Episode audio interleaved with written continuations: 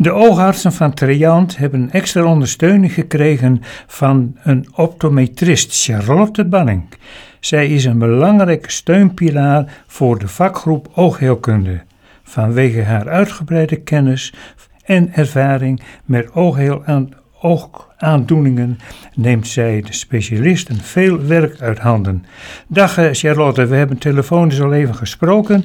En Ja, misschien voor onze luisteraars kun je nog even vertellen. Triant Groep, het is mij wel bekend, maar jij werkt, dacht ik, in Emmen. Klopt. En wat is Triant precies? Eh, Triant is een, ehm, eh, ja, een ziekenhuisgroep met ziekenhuizen op verschillende locaties. En ik werk dan eh, op locatie Emmen, maar je hebt ook nog locatie Stadskanaal. Ehm, nog meer locaties, alleen daar sta ik zelf niet. En ehm, ja, oogheelkunde waar ik dan werk is dan alleen in Emmen en in Stadskanaal. Maar dat betekent namelijk dat er een, eh, de oogartsen uit die verschillende ziekenhuizen, die werken samen. Dat klopt En- inderdaad. En die hebben jou als optometrist erbij genomen. Ja, e- e- eigenlijk wel. En nou is onze vraag eigenlijk van eh, eh, dat je als eh, eh, optometrist in een oogkliniek gaat werken. Wat voegt dat toe? Ehm, nou, wat een optometrist eigenlijk doet, is ehm, door middel van een optometrisch onderzoek ehm, nou, kijken of de uitkomsten ervoor zorgen ehm, ehm, ja, wat voor ehm, ehm, wat eventueel de aandoening is. En ehm, zo kunnen, wij kunnen dan beoordelen of iets pluis of niet pluis is. En eventueel dan met de oogarts overleggen ehm, hoe verder. Maar nou, nou kom je al met een aantal dingen. Eh, de Ja. pluis en niet pluis. Als je Ja. dat eens even wilt uitleggen. Ja, ehm, nou, er zijn heel veel verschillende oogaandoeningen. En sommige aandoeningen hebben eh, behandeling nodig van een oogarts. Nou, dat noemen wij dan niet pluis. Dus dat betekent dat iets niet goed is en behandeld moet worden.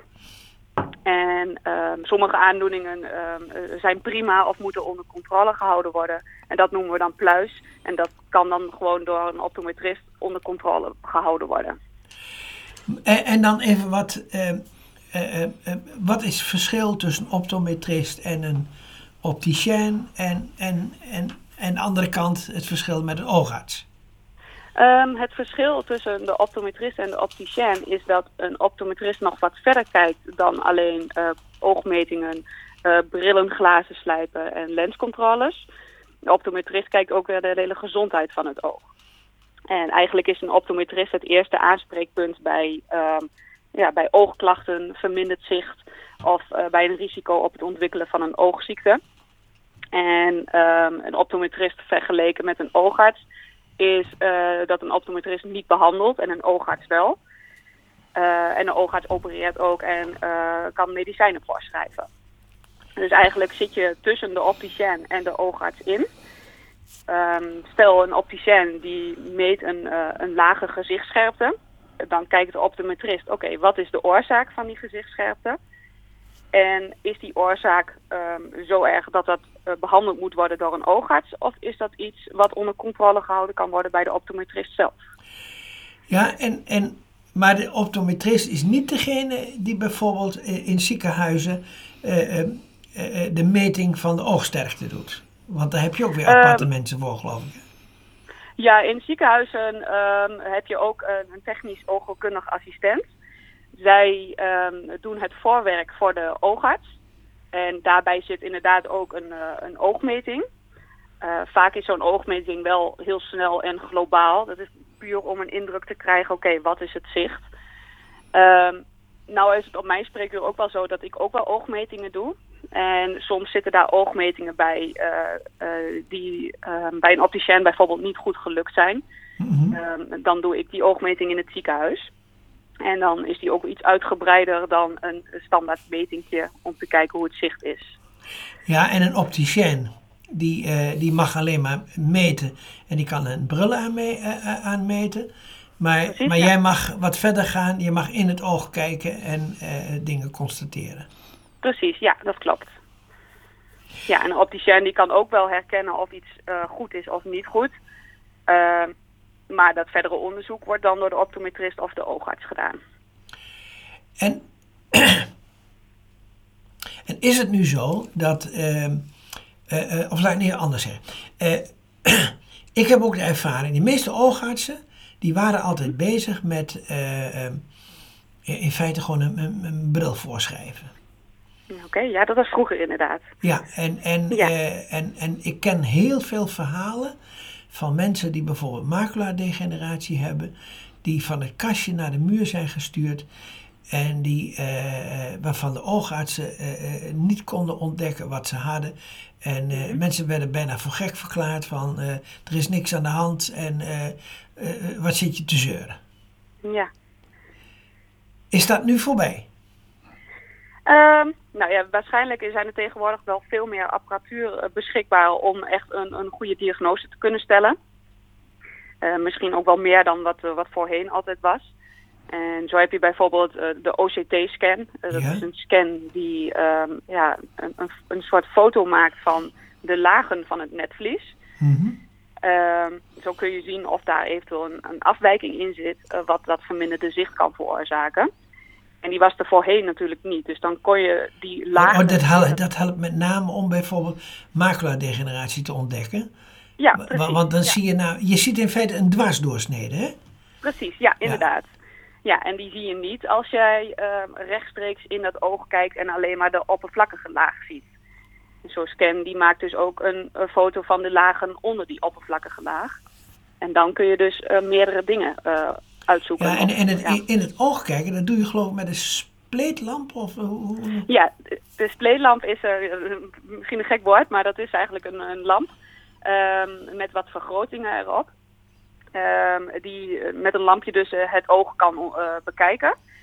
Ehm, als je echt in het oog wil kijken, dan moet je daar ook een lensje bij gebruiken. En dat lensje zet je dan tussen de spleetlamp en het oog in. Die dan ja, door het oog kan kijken. En je daardoor dus ook de binnenkant van het oog kunt zien. En dat zullen natuurlijk veel mensen wel ervaard hebben, dat je... eh er wordt eerst met medicijnen worden je eh, pupil wordt verwijderd. Klopt, inderdaad. En- ja. en- en daarna- verwijderd, verwijt. Wat? Oh, ver- Ja, ja, oké. Verwijt. Hè? Is het, hè? verwijt, inderdaad. Oh, Ja, we- dus, we, eh, we gaan alles al verwijderen hier. Eh, eh, maar eh, eh, juist door de technieken zoals de OCT-scan eh, kun je dus vroegtijdig toch eh, bepaalde aandoeningen. En zijn oogartsen daar nu eh, eh, eh, ook goed bedreven in? Weten die ook eh, van allerhand aandoeningen? Of is dat juist een inbreng van de optometrie? Eh, nee, dat is voor beide eigenlijk wel een inbreng.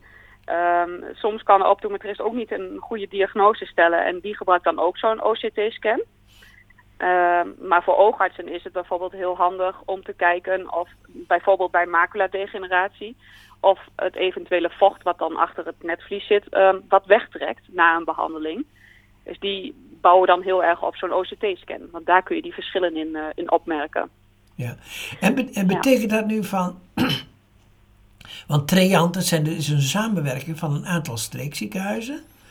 En daar is eh, in het verleden nogal wat discussie over geweest van eh, of ze eventueel moeten sluiten, of de, eh, eh, of de directe opvang wel kon, noodhulp en, en dat soort dingen. En hoe zit dat met de oogheelkunde? Kunnen deze ziekenhuizen een, een, een, volwaardige, als een volwaardige oogkliniek werken? Ehm, ja, dat denk ik wel, want er zijn eigenlijk wel voldoende oogartsen beschikbaar.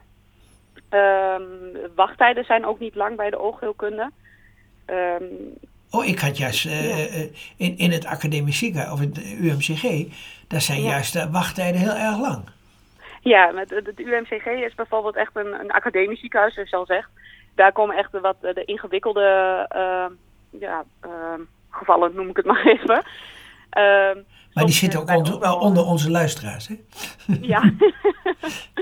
Soms hebben wij ook wel een, eh, een patiënt die, eh, ja, die, toch een wat, eh, die toch wat ingewikkelder is. En die sturen wij ook wel door naar het UMCG, omdat ze daar dan wat meer kennis en ervaring hebben daarin.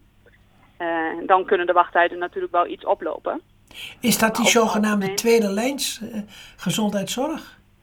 Ehm, even nadenken. De eerste lijn is geloof ik de huisarts. Hè? Of, of, Ja, dat klopt inderdaad. Tweede lijn is, dacht ik, het ziekenhuis. En, en de derde lijn is dan het academische.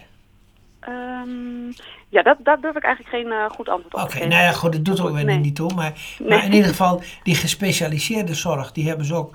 Ja, in, in, in de academische ziekenhuizen hebben ze, eh, ze vooral... eh, willen ze alleen maar de moeilijke gevallen. En, en de rest die moet dus in, in, de, in de provincie of in, in andere ziekenhuizen worden gedaan. Ja, En, eh, kun je het zo wel bekijken, ja. Ja, en is, en is het daarom dat namelijk die, die streekziekenhuizen, de, dus de kliniek, de oogklinieken, dus samen gaan werken? Om in feite dat hele palet van eh, oogzorg te kunnen doen. Ehm, ja, maar ook omdat je op verschillende locaties zit, is het voor mensen die wat verder weg van Emmen wonen bijvoorbeeld ook wel weer eh, handig om dan naar Stadskanaal te gaan. Meer om wat meer ehm, ja, patiënten op te kunnen vangen. En dat ze dan niet eh, heel lang moeten rijden, willen ze bij een ziekenhuis komen. Ja, ja, en is het nu zo dat die oogartsen, eh, hebben die spreekuur in al die ziekenhuizen? Of eh, eh, zitten ze vast op een bepaalde plek? Nee, die zitten wel op, op, de, op de twee ziekenhuizen Stadskanaal en Emmen. Oké. En nou, de ene oogarts die werkt op beide locaties. Eentje die werkt alleen in Emmen. Dus er is wel uitwisseling van oogartsen. En er is altijd een oogarts beschikbaar en aanwezig. Is er nu een. Eh, dat jij dus de, eh, bij betrokken bent nu als Ja. eh, optometrist. heeft dat ook met bezuinigingen te maken? Mm, daar durf ik geen antwoord op te geven. Ik denk meer dat het te maken heeft met dat meer mensen geholpen kunnen worden. Ehm, en dat de, de, de, degenen die echt hulp van de oogarts nodig hebben, ehm, ook direct dan bij een oogarts terecht kunnen. Ja, het is Ik dus ben al. eigenlijk degene die er een beetje uitfiltert. En Mhm. kijkt van, oké, is het iets wat gewoon bij ons onder controle kan blijven of toch echt door een oogarts gezien moet worden. Dan heeft de oogarts wat meer tijd voor, eh, ja, voor de mensen die die hulp nodig hebben. Eh, en dan neem ik wat werk uit handen. Dus het is denk ik niet echt bezuinigingen, maar meer eh, om meer mensen te kunnen helpen. Maar dat is dus een, een, een, een, besluit geweest in feite van de eh, Treant groep om, eh, om de zorg op een hoger plan te zetten door namelijk eh, samenwerking van verschillende ziekenhuizen. En dan ook samenwerking van verschillende disciplines. Ja. Dat, dat klopt inderdaad. En eh, wat is dan de vraag verder? Sorry. Nou nee, maar dat is dus de intentie. eh, om te, eh, want, want ik hoor namelijk wel in, in de, eh, bij oogartsen dat er toch dat er een tekort aan oogartsen is. En, en dat het tekort toch eh, eh, in de komende tijd toch groter wordt. Vooral Ja. omdat eh, de babyboom generatie eh, dus in feite ook allemaal oogziektes krijgt nu ze ouder worden. Ja. Ja, ja, precies. Dus vergrijzing inderdaad.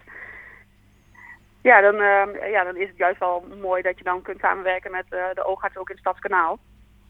Dat je gewoon voldoende plek hebt eigenlijk voor die mensen.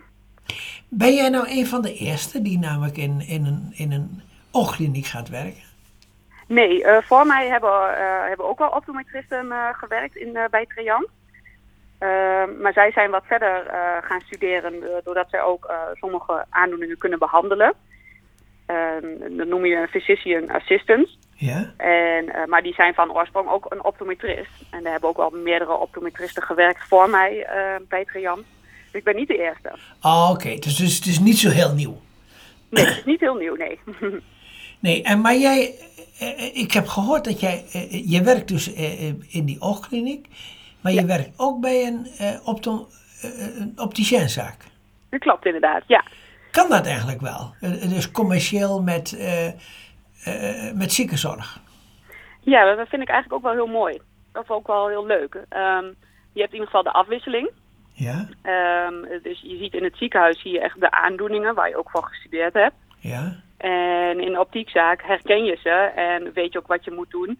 eh, mocht je zoiets tegenkomen. Dus die, die samenwerking daarin in, is voor beide kanten wel heel eh, handig.